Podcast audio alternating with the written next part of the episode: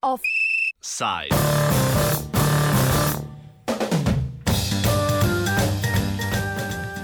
Delo na gradbišču novega klin kliničnega centra v mestu Bad Homburg blizu Frankfurta se je strani tistih, ki so zaposleni preko podjetja Biz Gradnje iz Ljubljane, prekinilo. Prekinili so ga sami iz razloga neizpolnjenih pogodbenih dogovorov strani delodajalca. Njihova inicijativa je odgovorna za to, da lahko upozorimo na položaj gradbenega delavca v sodobni Sloveniji. Pred dvema tednoma je 50 delavcev, ki je delalo za podjetje Biz Gradnje, prek slovenskega veleposlaništva stopilo v stik z nemškim sindikatom IGBAU. Govorili smo s Frankom Schmidt-Hulmanom iz nemškega gradbenega sindikata IGBAU. time ago, 50 people contacted us. They were construction workers, and uh, they hadn't got any money for two months. And uh, uh, the net wage arrears were at minimum uh, 80,000 euro. Um and uh, we organized them in the IGBAU and then uh, started to claim the wages from the general contractor. According to the German law, the general contractor is liable for the construction minimum wages of the workers of subcontractors. Uh, and in this case, the general contractor gave in and uh, paid the minimum wages, the outstanding minimum wages to us, and uh, paid also a bus so that the workers could get back home. Uh, we saw to it that the workers got the money uh, we got from the general contractor. And it was not the first case in the area of Frankfurt. We already have uh, three cases in this year uh, with Slovenian construction workers uh, cheated by their employers uh, for quantities of the wages. Sometimes they didn't get paid at all. Uh, unfortunately, this is also uh, within the framework of public procurement. So uh, they're working on uh, for co- construction jobs meant to be for the state of Hessen or the Federal Republic of Germany. We find a systematic pattern in that. Uh, the Slovenian Trade Union Confederation made us aware of many more cases, uh, and it seems that the construction crisis in Slovenia uh, leads to that uh, construction workers are lured into jobs by employers who are not willing or not able to pay them and just cash in the money from the general contractors.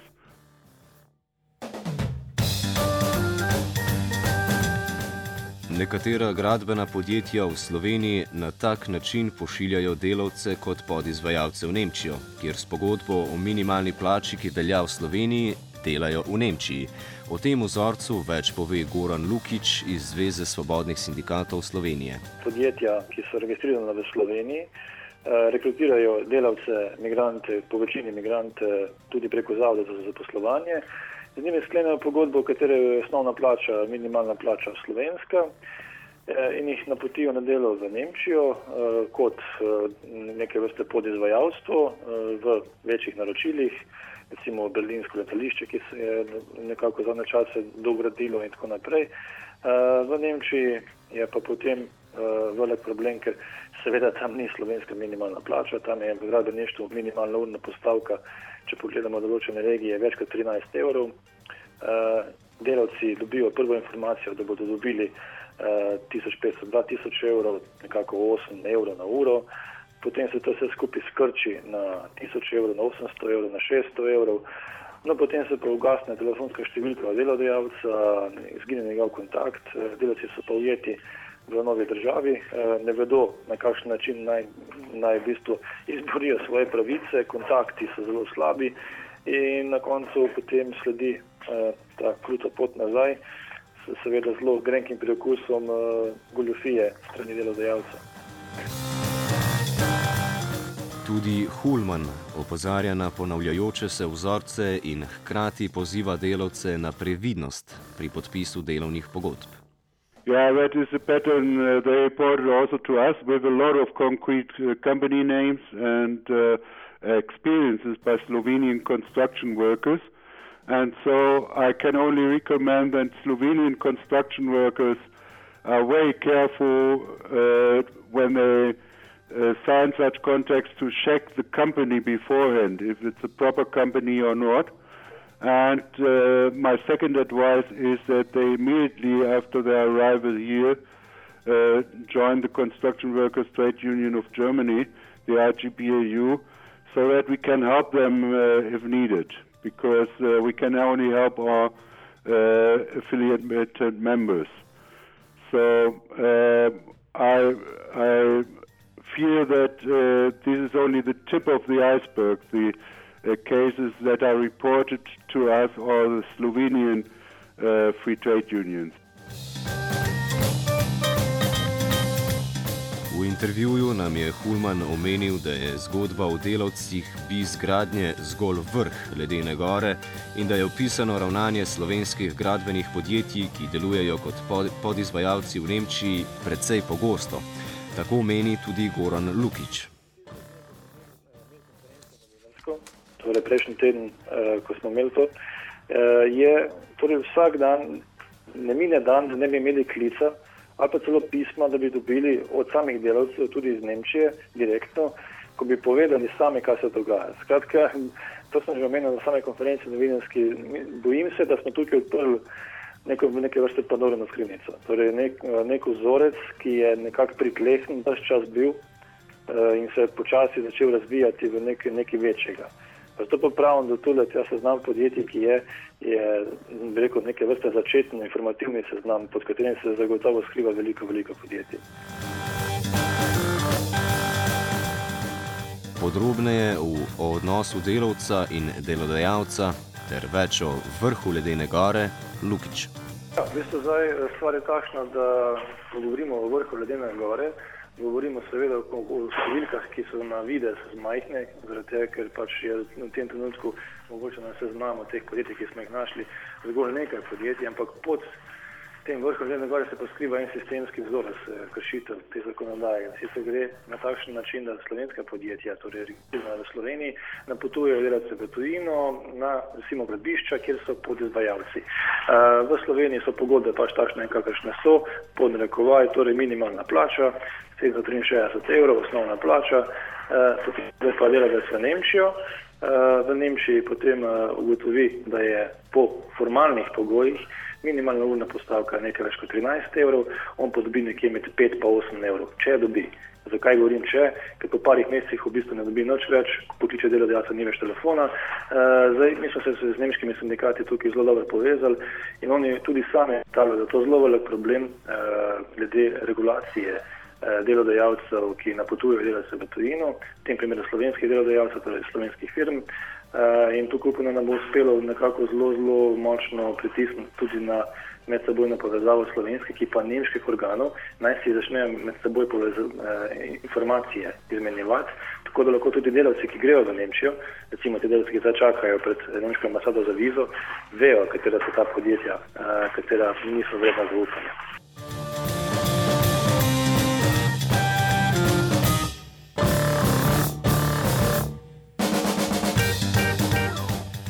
Zgodbe izkoriščanja delovne sile se nam odvijajo pred očmi.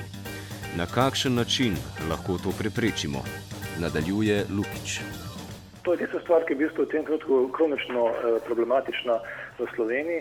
Zaradi tega, ker ne vem zakaj, ne vem kako, ampak dejstvo je v tem trenutku slovenski organi eh, nadzora na trgu dela delajo na tem področju premalo. Eh, seveda se lahko zatekajo v argument, da so kadrovsko podhranjeni.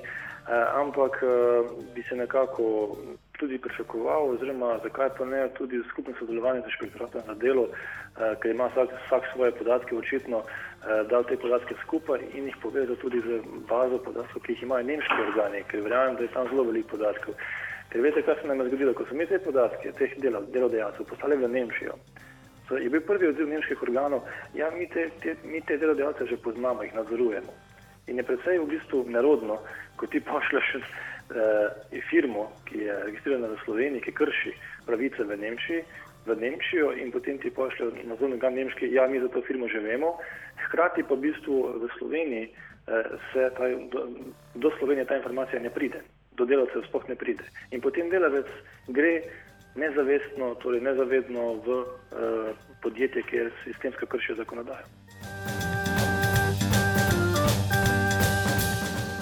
Čeprav že nekaj časa poslušamo o tej problematiki, se zdi, da stvari ostajajo takšne, kot so. Če že, se premikajo naprej s polžjo hitrostjo. O tem nas je opozoril Frank Schmidt-Hulman in dodal, da je zgolj širitev glasu tista stvar, ki bo olajšala položaj zatiranih. I just want to add that uh, uh, workers who don't get uh, the promised wage or they don't get the promised wage in time, uh, they should immediately turn to us because the sooner you, the better. Mm-hmm. And there's also uh, there are also some offices from the DGB Confederation named Faire Mobilität, which means fair mobility, and uh, one is in the Rhine-Main area, one is in the Berlin area, another one in Hamburg, uh, where they can find advice, and some people even speak. Uh, uh well, Eastern European languages. I'm not sure if it's Slovenian, but yeah.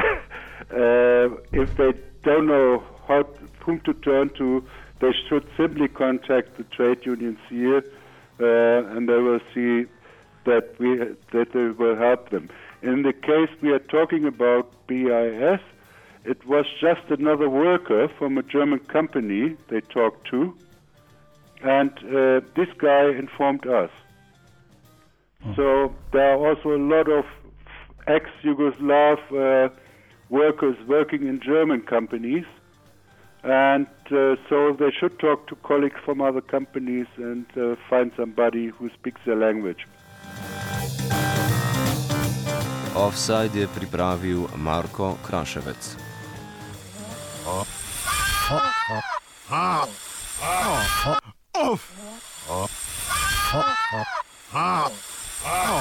Offside.